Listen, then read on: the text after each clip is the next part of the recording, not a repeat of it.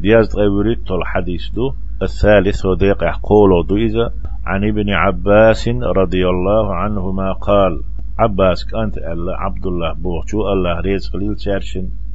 قال رسول الله صلى الله عليه وسلم يلشنو ألا ألا نعمتان مغبون فيهما كثير من الناس. شي نعمت دو؟ دق ودرش أتشي نعمتح ناخ دق برش عيه بلابو دائم لا تردمتش قاعد عدي ذات ميتش عمان سيخت سلوش بشي هدو شي دق شي نعمت.